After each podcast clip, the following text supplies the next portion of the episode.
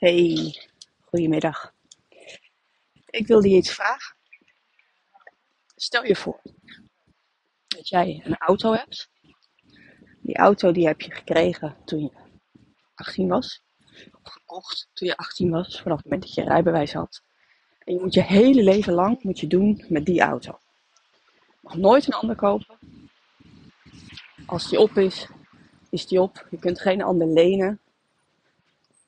Als die kapot is en hij is niet meer te repareren, dan houdt het op. Heb je geen auto meer. Heb jij überhaupt geen auto of geen rijbewijs, dan uh, neem je maar een fiets in gedachten. In ieder geval een vervoersmiddel. Je hebt er één, één voor je hele, hele, hele leven. Nou, stel je dat eens voor. Neem een auto in gedachten, maakt niet uit welke. Ik zou de sterkste, de stevigste, de beste nemen die er is, want je moet er je hele leven mee doen. En uh, stel jezelf dan eens voor hoe je voor die auto zou willen zorgen. Daar moet je je hele leven mee doen. Dus ik denk dat je geen onderhoudsbeurt, geen APK-keuring overslaat. Dat je er als de kippen bij bent, als er een wintercheck gedaan moet worden.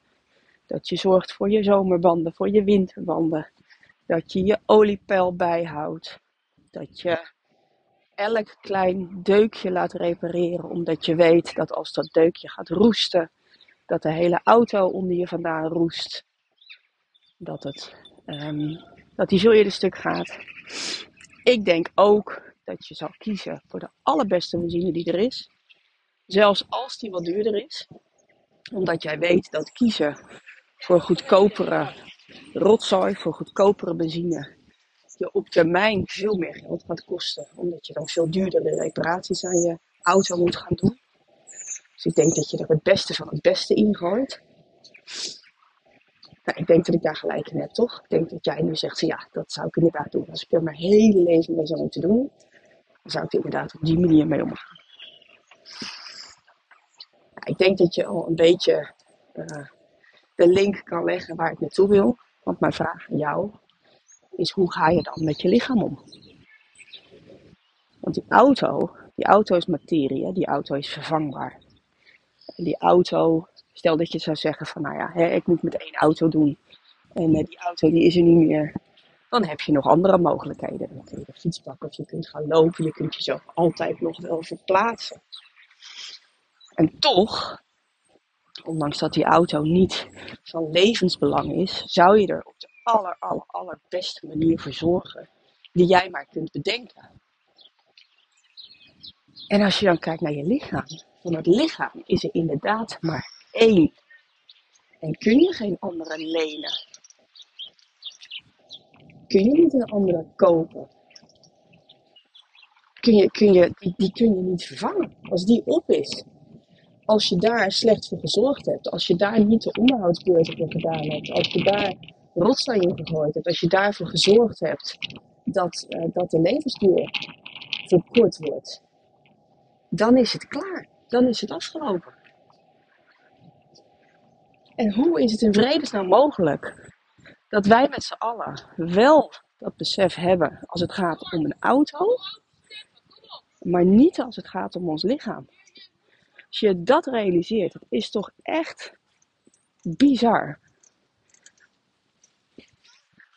Je hebt hem vaak horen zeggen, ik ben een enorme voorstander van om van een afstandje je gedrag en je keuzes te bekijken. Hè? In, je, in je helikoptertje boven je, je eigen situatie gaan cirkelen en gaan kijken naar wat doe ik nou eigenlijk. En als je dit dan zou beoordelen van een afstand en bekijken, dan kan het toch niet anders dat je met je handen naar je hoofd gaat en denkt, mijn hemel, hoe is dit mogelijk? Hoe is het mogelijk dat ik een auto, een stuk blik, beter zou behandelen dan het lichaam? Wetende dat als het lichaam er mij ophoudt, dan is het echt definitief klaar. Dan is het afgelopen. Er is geen tweede kans. Er is geen vervanging. Er is geen leentoestel. Er is helemaal niks. Het is klaar overuit afgelopen. Er zijn zoveel vergelijkingen te maken hè, met, met een auto. Je hebt het me misschien ook wel eens horen zeggen, als je op een hele verkeerde manier met je lichaam omgaat, dan is het hetzelfde als elke dag weer op de snelweg gaan zitten. Zonder gordel in, om in een levensgevaarlijke auto. Zonder remmen. 300 gaan rijden. En hopen dat je het redt tot aan de volgende afslag. En dan ben je daar en dan doe je het de dag daarna doe je het gewoon weer. Je zet je lichaam op het spel. Keer op keer letterlijk. Realiseer je eens wat de uitdrukking op het spel zetten betekent. En je ziet wel eens in films, zie je wel eens van die gokverslaafden. Die dan aan tafel zitten met een paar van die loesje figuren.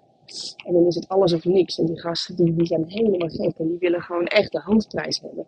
En die, die doen hun horloge af. En die gooien hun creditcards op tafel. En zo ver gaan gokverslaafden. En die zeggen op een gegeven moment, oké, ik zet mijn huis in. Ik zet alles, alles in wat ik heb. Om maar die winst te pakken. Dat is letterlijk op het spel zetten. En dat is wat je doet met je lichaam. Je zet elke dag je lichaam, je gezondheid op het spel. En je hoopt dat de uitkomst niet negatief zal zijn. En er komt een moment, dan is het dat natuurlijk wel. Er komt een moment, dan is het het wel.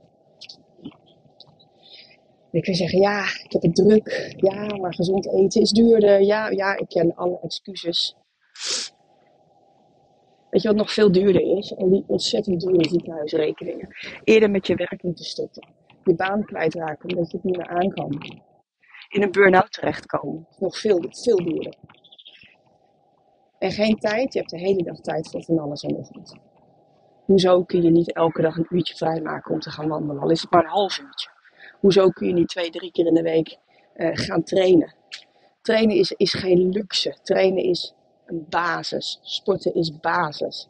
Het is niet iets wat je doet op het moment dat je tijd over hebt. Je doet eerst dat en dan kijk je wat voor tijd je over hebt voor de rest. En de rest is dan inclusief werk. Werk gaat niet voor op voor je gezondheid zorgen. Je zorgt eerst voor je gezondheid en daarmee zorg je dat je je werk vol kunt houden. Zo, zo werkt het. Dat is de volgorde. Maar denk hier eens over na. Als jij dit hoort en je kijkt naar jezelf en je denkt, potverdorie, wat heb ik het ongelooflijk verkloot. En inderdaad, ik zou een eenmalige auto veel en veel beter verzorgen dan een eenmalig lichaam. Denk daar eens over na. En baseer daar alsjeblieft je keuzes op het komende jaar.